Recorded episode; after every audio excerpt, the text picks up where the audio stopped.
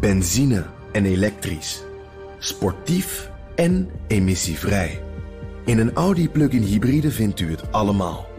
Ervaar de A6, Q5, Q7 en Q8 standaard met quattro vierwielaandrijving. Wat u ook zoekt, u vindt het in een Audi. Audi. Voorsprong door techniek.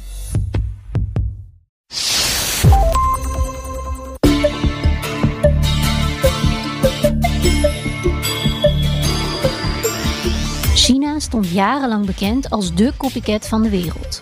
Van t-shirts en koffiezaken tot sociale media en apps. In China was een kopie van het origineel snel te vinden. Dit is ook gewoon, stom gezegd, wat je doet als je in 1976 ongeveer het armste land ter wereld bent en wil groeien. Maar waar de Chinezen decennia lang naar het Westen keken, kijken wij steeds meer naar China. Ook op technologisch gebied. Want daarin nemen de Chinezen steeds meer de leiding. Nou, wat je hebt gezien ongeveer vijf jaar geleden, is dat met name Facebook, die begon wel heel erg geïnteresseerd te worden in wat er zich allemaal afspeelde binnen WeChat.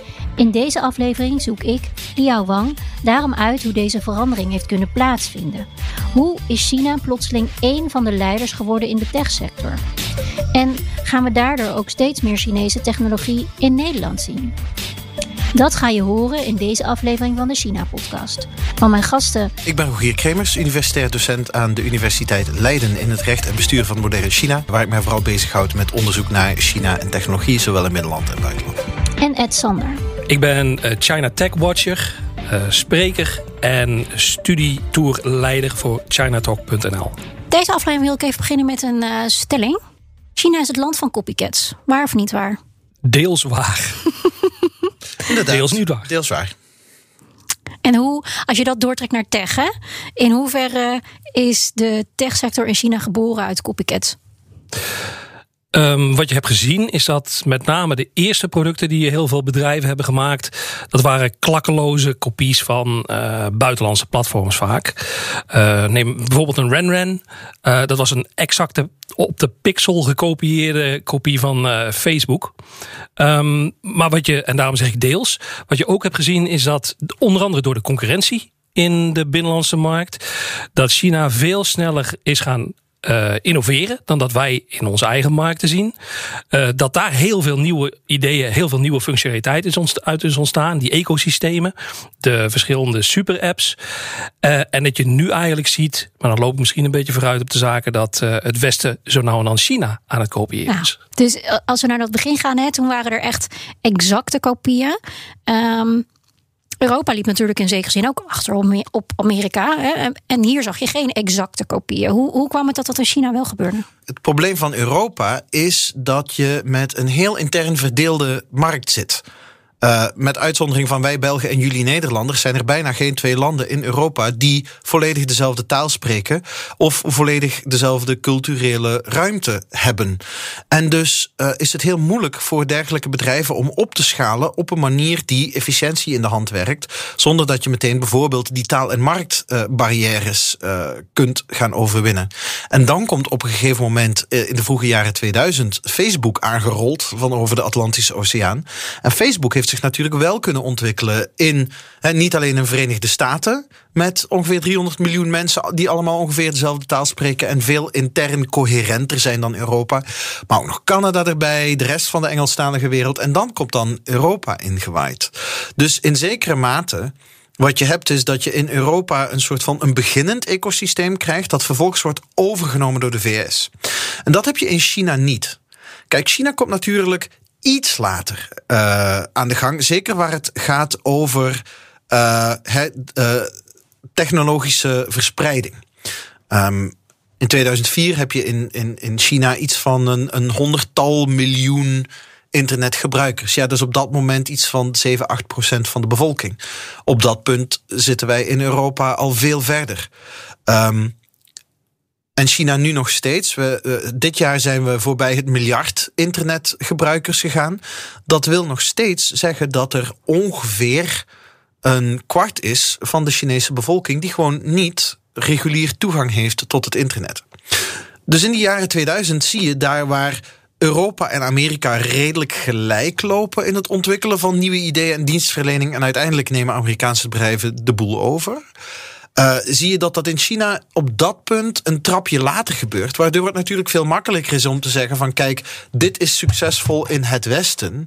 Dus dit gaan wij emuleren. En dat hebben ze trouwens niet alleen um, op techvlak gedaan. Uh, er is een tijd geweest dat als jij in China in welke koffiebar binnenging, dan was dat gewoon een carbon copy van Starbucks, want dat werkte. In hoeverre is dat een cultureel ding, Ed? Um, nou, het is wel zo dat uh, kopiëren ligt in China cultureel wat, wat minder gevoelig. Wordt ook niet, niet altijd gezien als iets slechts. Uh, heel veel in de Chinese cultuur. Het, uh, neem bijvoorbeeld het kopiëren van calligrafie. Des te beter je het, het origineel kan namaken, des te hogere punten je scoort. Dus het, het wordt niet altijd gezien als iets wat, wat bij, per definitie slecht is eigenlijk. Terwijl wij altijd op zoek zijn naar originaliteit. Iets wat nog niemand anders gedaan heeft. En wij gaan dus niet een idee van iemand anders zomaar kopiëren. Want dat bestaat al, dat heeft iemand anders al gedaan. Terwijl in China dus veel meer gedacht wordt van... oh, dat is een interessant idee, daar kunnen we geld mee verdienen. Kunnen wij ook. En misschien kunnen we het wel zelfs beter. Nou ja, eh, als kopie hoef je natuurlijk niet helemaal getrouwd te zijn aan het origineel. Ik weet, ik weet trouwens niet of ik uh, geloof in heel diepgravende culturele theorieën daarover. Dit is ook gewoon, stom gezegd, wat je doet als je in 1976 ongeveer het armste land ter wereld bent en wil groeien. dan ga je emuleren, net zoals mijn dochter van zes mijn gedrag imiteert. Ga je als ontwikkelend land imiteren wat andere landen succesvol heeft gemaakt. Dat, dat is denk ik wellicht de grootste verklaring. Maar hoe gaat dat kopiëren dan precies in zijn werk? En hoe wordt bepaald welk bedrijf in China overblijft? Ik vraag het Ed. Wat er meestal gebeurt, eh, is dat iemand komt met een idee. Of iemand komt met een kopie van een idee van een westers bedrijf. En dan staan er vaak heel veel verschillende Chinese bedrijven op die allemaal hetzelfde gaan doen. Een heel mooi voorbeeld was eh, ten tijde van Groupon. Er bestonden er 3000 Chinese klonen, kopieën van, van Groupon eigenlijk in China. En er zijn er uiteindelijk zijn er maar een paar van overgebleven. Wat er dan normaal gesproken gebeurt, is dat er heel veel geïnvesteerd wordt in de meest um, de veelbelovende van, van, van die klonen. Door investeerders, maar ook door een Alibaba en een Tencent. En daar is eigenlijk Meituan is daar als, uh, als grote winnaar uit de bus gekomen. Een ander bekend voorbeeld van Chinees copycat gedrag is Didi. Dat bedrijf werd in 2012 opgericht, drie jaar na zijn Amerikaanse taxiconcurrent Uber. Nadat Didi met een ander Chinees bedrijf fuseerde, kwam het in China tot een verhitte strijd tussen beide bedrijven. Een strijd die Uber uiteindelijk verloor. Uber die kreeg na een tijdje al heel snel in de gaten van wij gaan dat niet winnen tegen die gigantische partij uh, Didi. Wij hebben niet zo onbeperkt budget om daar maar kortingen weg te blijven geven. Dat, dat kostte gewoon, elke dag kostte dat gewoon heel erg veel geld om überhaupt te opereren in China. Dus toen, toen Uber het uh, besef had, wij gaan die niet winnen, kun je twee dingen doen. Dan kun je op een gegeven moment zeggen van uh, we pakken ons zootje op en we gaan terug naar huis. Maar wat ze hebben gedaan, is ze hebben zichzelf eigenlijk verkocht aan Didi. En ze hebben daar een aandeel in Didi van teruggekregen. Wat bij de beursgang, voor uh, dat de overheid ingreep, ook in één keer gewoon twee, drie keer zoveel waard was. Dus een hele slimme investering. Hadden ze wel uh, geprobeerd om, om te winnen, dan waren ze gewoon doodgeconcurreerd. Dus het is wat mij betreft, wat wordt weggezet als een mislukking van uh, Uber in China, is eigenlijk gewoon een hele slimme beslissing geweest. Een hele verstandige beslissing. En wat doen die uh, Chinese bedrijven? Wat doen zij beter? Ondanks dat ze dan beginnen als kopie, wat doen ze uiteindelijk beter waardoor ze dan toch eerlijk winnen? Een van de dingen die wij soms niet zo goed inzien, is de enorme grootte en de enorme complexiteit van een land als China. Zeker niet als land Nederland. Uh, er wonen in Nederland mindere mensen dan in Beijing alleen. En dus wij hebben heel vaak niet door dat als buitenlands bedrijf om jezelf in China neer te zetten, dan vereist dat ook dat jij producten ontwikkelt die toepasbaar zijn op het hele diepe platteland, op mensen die eigenlijk nog geen technologische ervaring hebben, uh, mensen die eigenlijk volledig digibate zijn. Um, die, die, die dus ja, al die het, dat bijna cosmopolitische dat je toch een beetje nodig hebt om met die technologie om te gaan, die dat helemaal nog niet hebben. En uh, dat is één. En twee, um, heel wat van die buitenlandse bedrijven hadden niet door dat heel wat van de onderliggende infrastructuur die het in het Westen wel was, bijvoorbeeld waar het gaat over, vertaal, over betaalverkeer, die was er in China niet. Ehm, dat is trouwens ook een van de redenen waarom ik denk dat Chinese bedrijven vaak beter geplaatst zijn om een rol te spelen in het connecteren van wat we noemen de next billion. dus, dus het volgende miljard mensen dat wereldwijd uh, de middenklasse in zal gaan komen. Over het algemeen te vinden in India, voor een deel Afrika, voor een deel Latijns-Amerika. Uh, want Chinese bedrijven hebben gewoon veel meer ervaring met het aangaan van nieuwe segmenten klanten die meestal niet zo rijk zijn. In een omgeving waarin politiek wel eens wispelturig wil zijn. Um, uh, en in omgevingen waar de, waar de infrastructuur meestal wel wat te wensen overlaat. Terwijl westerse bedrijven zijn vaak heel erg luxe paardjes die hun ene ding willen doen. Um, voor rijke klanten in redelijk voorspelbaar bestuurde landen. Met uh, allerlei dingen die al bestaan waar ze op kunnen bouwen. Dus ik denk dat daar een heel groot verschil ligt. Dus eigenlijk de innovatie voor segmenten die wij in het Westen helemaal niet kennen of niet zien. Ja. Inmiddels zijn bedrijven als Didi en Meituan veel meer dan alleen een taxibedrijf of maaltijdbezorger. Uh, Meituan is ook zo'n uh, voorbeeld, net zoals bij uh, Didi en Kwaidi op het gebied van ride-hailing.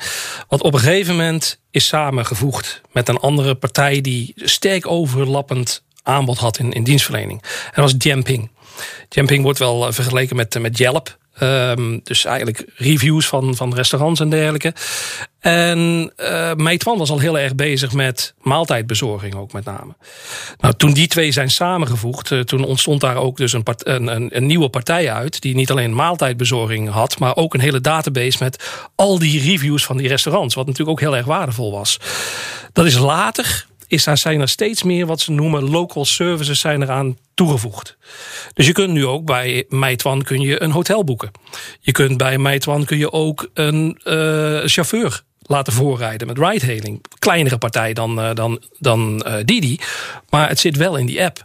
Je kunt in Meituan kun je bewijzen van als je iPhone kapot is, dan zoek je op de telefoon van iemand anders dan natuurlijk. Zoek je even een mannetje dat bij jou langs kan komen om jouw iPhone te repareren. Allemaal local services. Dus Meituan is eigenlijk de grootste app op het gebied van local services, zoals deze die je in, in China hebt. Heb, hebben we iets vergelijkbaars in het Westen? Ja, dat heb je wel, maar dat zijn weer allerlei losse dingen. Uh, thuisbezorgd.nl. Maar dat is dan één ding van de vele dingen die je aantreft eh, binnen Meituan. Ja, dus stel je voor dat je bij thuisbezorgd ook een poetsvrouw zou kunnen boeken. Inderdaad. Of een glazenwasser. Of uh, een taxichauffeur. Of he, al, al die dingen die je eigenlijk wel eens thuisbezorgd zou willen hebben. Behalve eten. Dat je dat ook nog eens zou kunnen doen dan kom je in de buurt. In hoeverre is die rol nu omgedraaid? Dat wij of Silicon Valley eigenlijk naar China kijkt om daaruit te kopiëren? Nou, nou wat je hebt gezien ongeveer vijf jaar geleden, is dat met name Facebook en uh, Ronald Morkus, die uh, dat was dan een van de, de, de managers bij Facebook, die begon wel heel erg geïnteresseerd te worden in wat er zich allemaal afspeelde binnen WeChat. Uh, ze zagen die mobiele betalingen, ze zagen allerlei verschillende functionaliteit zagen ze terugkomen. Dus daar, daaruit, dat is een van de redenen dat het idee voor Libra is ontstaan. Wat eigenlijk een, betaalmethode binnen Facebook uh, zou worden. Volgens mij ligt dat project helemaal stil op dit moment. Dus maar uh, heel veel van de, de ideeën die face, Facebook heeft gehad de laatste jaren, die zijn eigenlijk ontstaan van wat ze hebben gezien in China. Je ziet ook functionaliteit die al jaren bestaat in China, zie je nou verschijnen in Snapchat, in Instagram. Uh, Facebook heeft het sinds vorig jaar mogelijk gemaakt om je eigen winkeltje op te richten in, uh, in Facebook. Dat bestond in 2014 al in WeChat. Dus het is niet zo dat. Silicon Valley complete apps kopieert. Maar ze zijn pick en mix zijn ze bepaalde ideeën die ze hebben zien ontstaan in China. Zijn ze nou wel aan het overnemen en eigenlijk in hun apps aan het inbouwen. Soms ook puur uit noodzaak. Als we bijvoorbeeld kijken naar ByteDance, waar we het over gehad hebben, die in China Douyin heeft eh, als eh, short video app. Die kennen we in het Westen als TikTok. Nou, datzelfde wat er gebeurd is, dat er meer, tijd van WeChat is verschoven naar Douyin, is ook gebeurd bij Facebook-gebruikers die nu meer tijd doorbrengen in TikTok. Wat doet vervolgens Facebook? Die komt met Lasso eigenlijk een kloon van, uh, van uh, TikTok. In een poging om eigenlijk die gebruikerstijd terug te winnen. Helaas uh, niet gelukt. Het was een, geen, geen succesvol product. Maar zo zie je dus inderdaad dat bedrijven uit Silicon Valley dus ook functionaliteit uit China beginnen te kopiëren. Een ander voorbeeld van westers kopieergedrag was eind 2019 te zien bij Instagram. Dat keek naar TikTok. De app is eh, ontzettend populair. Zo populair dat Instagram nu functies aan het testen is die eigenlijk wel verdacht veel lijken op TikTok. Toch blijven deze voorbeelden volgens Rogier eerder uitzondering dan regel. En daar zijn een aantal redenen voor. Eén, um, TikTok is er heel goed, of al sinds ByteDance is er heel goed in geslaagd om TikTok te ont-Chinezen voor de westerse markt. uh, TikTok werd zeer zeker niet gezien in eerste instantie als een Chinese app. Um, want ik denk, goed, er is hoe langer meer uh, research van uh, bedrijven zoals Pew laten we zeggen dat percepties over China in het Westen, zeker tijdens de coronapandemie, niet zijn gestegen. Integendeel. Dus het, het, het Chinees zijn, zeker in de technologische sector, werkt je marketingtechnisch heel erg tegen. En TikTok heeft dat vrij goed ontweken. Maar ik weet niet, zeker nadat de Trump-regering uh, toch ook TikTok zwaar op de korrel heeft genomen. We're looking at TikTok. We may be banning TikTok. We may be doing some other things. There are a couple of options. But a lot of things are happening, so we'll see what happens. Ik weet niet of dat iets is wat een ander bedrijf uh, kan herhalen. Op andere vlakken heb je het dan. Kijk, als je, als je naar Alibaba kijkt. Wij kennen hier natuurlijk vooral AliExpress. Um, ja, er blijft toch ergens een heel hardnekkig idee zitten dat alles wat je uit China koopt is een beetje goedkoop en een beetje flut. Um, ik heb nog niemand gesproken die grote dure aankopen doet op AliExpress. Dat is, niet, dat is simpelweg niet een plek die we zien als een plek waar je nu eens even heel veel geld gaat uitgeven. En hetzelfde zie je met andere webshops zoals Shein en zo. Het, het, het gaat gewoon voor een heel groot deel over de bodem van de markt. En dat is een reputatie die verdiend of onverdiend uh, China nog steeds heeft. En zeker als je dan gaat kijken naar content. Uh, ik kende iemand die een tijd lang voor Baidu heeft gewerkt en die zei heel droog. Ja, natuurlijk gaan wij die westerse markt niet op. Als wij een internationaal gerichte versie van Baidu maken, dan duurt het wel geteld 0,3 milliseconden vooraleer dat iemand Tiananmen 89 opzoekt. en ofwel censureren we de content niet en dan hebben we hommeles hier, ofwel censureren hem wel en dan zijn we meteen uh, irrelevant in de internationale search market. Dus voor heel wat Chinese bedrijven is uh, het opereren richting het westen niet aantrekkelijk. Maar zoals ik al zei, waar je heel goed op moet gaan letten. Wij zijn niet het doel voor internationaliserende Chinese bedrijven. Wat is wel het doel? India, Indonesië, de Filipijnen, Zuidoost-Azië. En dan stelselmatig meer richting Afrika. Al die landen die qua ontwikkelingsniveau vergelijkbaar staan aan China, waar die Chinese bedrijven al aanwezig zijn, waar die Chinese bedrijven veel beter uitgerust zijn dan westerse bedrijven om klanten aan zich te binden en waar moet je van land tot land natuurlijk kijken. Maar die negatieve houding ten aanzien van China minder aanwezig is. Zowel op politiek vlak als op een, een, een, een leverancier van goedkoop spul. Want in Afrika, in Zuidoost-Azië, zijn heel veel mensen al lang blij dat er überhaupt spul is. Dus en, daar moet je naar gaan kijken voor de internationale. En hoe is de dynamiek daar nu? Is China daar al aan het winnen? Uh, ik zou niet durven zeggen of ze aan het winnen zijn, maar ze zijn er wel heel erg actief. Als je bijvoorbeeld naar Alibaba kijkt, die heeft uh, Zuidoost-Azië als een belangrijke groeimarkt uh, aangewezen. Alibaba heeft in principe gezegd dat zij volgens mij in 2035 2 miljard klanten willen hebben. Dus dat is in principe uh, verdubbeling van wat ze nu hebben in, in China. En dat moet met name moet dat uit developing markets, uit ontwikkelende uh, economieën moet dat komen. Dus Alibaba die heeft bijvoorbeeld Lazada al gekocht als een uh, e-commerce platform uit Zuidoost-Azië. En Group, gelieerd aan Alibaba, um, met, met Alipay, die heeft PTM heeft die, hebben die gekocht in, um, in India. Dus je ziet dat ze daar al heel erg druk mee bezig zijn. En een van de dingen die daarnaast ook nog heel erg interessant gaat worden. Wat uh, Rogier ook al zei. Wat gaat er straks gebeuren in Afrika bijvoorbeeld? Nou, je ziet al dat Afrikanen heel erg uh, graag een goedkope Chinese telefoon kopen. Als je daar vervolgens ook allerlei apps op kan zetten. Um, die uh, niet uit Silicon Valley komen, maar uit, uit China komen een TikTok, maar het zou zo, ook zomaar iets anders kunnen zijn. Dan krijgen ze daar wel veel meer voet aan de grond dan in de rest van de wereld, dan in Europa of in, in Amerika. Als we het over copycats de andere kant op hebben, wat zijn de trends waarvan jij denkt, los van of ze gemaakt worden door de Chinese partij of niet, maar de trends waarvan je denkt, die gaan wij over vijf jaar ook hier kopiëren van de Chinezen? Dat is een vraag, daar durf ik eigenlijk geen antwoord op te geven. Want um, dat heb ik vijf jaar geleden ooit geroepen. Dat wij een hele hoop functionaliteit uit WeChat in Facebook zouden gaan zien. Nou, vijf jaar later is daar niks van terechtgekomen. Dus dat is, is heel erg lastig. Ik, ik denk dat het uh, heel erg sterk een kwestie zal blijven van pick en mix, van functionaliteit. Die wordt overgenomen in bestaande apps voor ons. Ik denk dat situaties zoals met TikTok heel erg zeldzaam zijn. Uh, neem bijvoorbeeld WeChat. WeChat heeft het ooit geprobeerd om voet aan de grond te krijgen in Amerika. Die hebben daar 300 miljoen aan marketinggeld hebben ze erin gestort. Is niks geworden. Waarom niet? Omdat WeChat buiten China niks is. WeChat buiten China is een, een chat-app en een, een Facebook-achtige Moments timeline. En alle functionaliteit die WeChat heel erg interessant maakt in China, met je mobile payments en je integratie van al die local services bijvoorbeeld, die zitten niet in in de internationale versie. Dus wat je overhoudt is een, een, een chat-app met een paar rare functionaliteiten die Chinezen aanspreken. En al je vrienden en vriendinnen en, en kennissen en collega's, die zitten allemaal op of op WhatsApp of op uh, Facebook Messenger. Dus heeft geen enkele toegevoegde waarde. TikTok is er wel in geslaagd. Waarom? Omdat het niet zozeer om het product TikTok zelf gaat, maar het gaat om die recommendation engine die erachter zit. Dus die content voorschotelen op basis van kunstmatige intelligentie die leert wat jij interessant vindt, dan maakt het eigenlijk niet uit in welk land je dat doet. En daarom is TikTok zo populair over de hele wereld, omdat die app vanzelf zelf leert wat jij graag wil zien. En dan werkt dat eigenlijk overal. Dus uh, het zou zomaar kunnen dat uh, de, hetzelfde denkpatroon.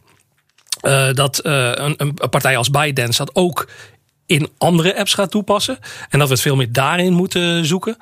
Um, ze hebben dat ook geprobeerd met, met nieuwsapps. als Jinra Toutiao hebben ze ook een, een internationale versie van gemaakt. Dat is mislukt. Maar het zal vaak, denk ik, meer vanuit die AI-gedreven toepassingen eh, gaan komen. Waar China op het gebied van echt daadwerkelijke toepassingen vaak veel verder is dan het Westen. Maar um, ja, ik zou niet durven uh, voorspellen hoe het er over vijf jaar precies uitziet. Dus eigenlijk waardoor ze hebben gewonnen, waardoor ze boven de copycat zijn uitgestegen, die integraties en die nieuwe functionaliteiten, dat is precies wat het weer lastig voor ze maakt om dat ergens anders in een nieuwe markt te kopiëren. Ja. En, en wat wij dus vaak laten liggen, is dat juist dat soort integraties, dat wij dat onvoldoende doen. Dat, dat onze apps niet die naadloze integratie bieden. En daardoor bij wijze van heel erg veel uh, uh, goederen zouden kunnen verkopen via e-commerce. Als je dat ook allemaal binnen één app zou kunnen. Maar dat, is, dat, gaat wel komen overigens. Dat is één ding wat ik wel durf te voorspellen. Dat gaat komen in TikTok. En dan wordt in de Verenigde Staten wordt er al mee getest tussen TikTok en Walmart. Walmart wilde in eerste instantie ook heel graag TikTok kopen. Toen Trump het uh, nog wilde, wilde splitsen. Um, dat gaat, op dit moment gaat dat nog niet lekker. Want je ziet een livestream, je ziet een product bij Walmart. En klik je erop, dan ga je vervolgens naar de Walmart site toe. Dus je kunt het nog niet in de app kopen. Maar het zal een kwestie van tijd zijn voordat ByteDance dat ook gaat regelen. Dat dat mogelijk is binnen de TikTok app zelf. En dan zit je weer in die verschuiving van winstmodel. Hè, waar je niet advertentieruimte verkoopt, maar rechtstreeks producten zelf aan de man brengt. Want als er één trend is die ik hier zie uh, gebeuren, daarom had Facebook ook die poging tot eigen munt. Al die bedrijven weten gewoon dat op de lange termijn uh, het, het advertentiegebaseerde winstmodel.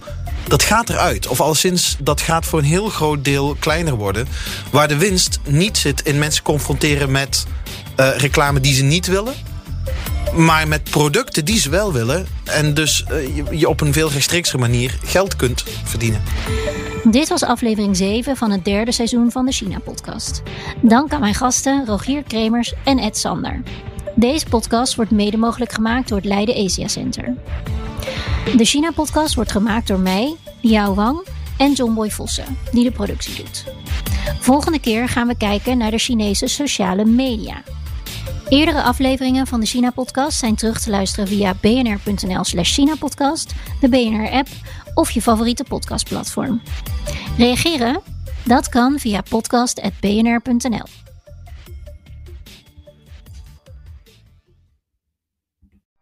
Benzine en elektrisch. Sportief en emissievrij. In een Audi plug-in hybride vindt u het allemaal. Ervaar de A6, Q5, Q7 en Q8 standaard met quattro vierwielaandrijving. Wat u ook zoekt, u vindt het in een Audi. Audi. Voorsprong door techniek.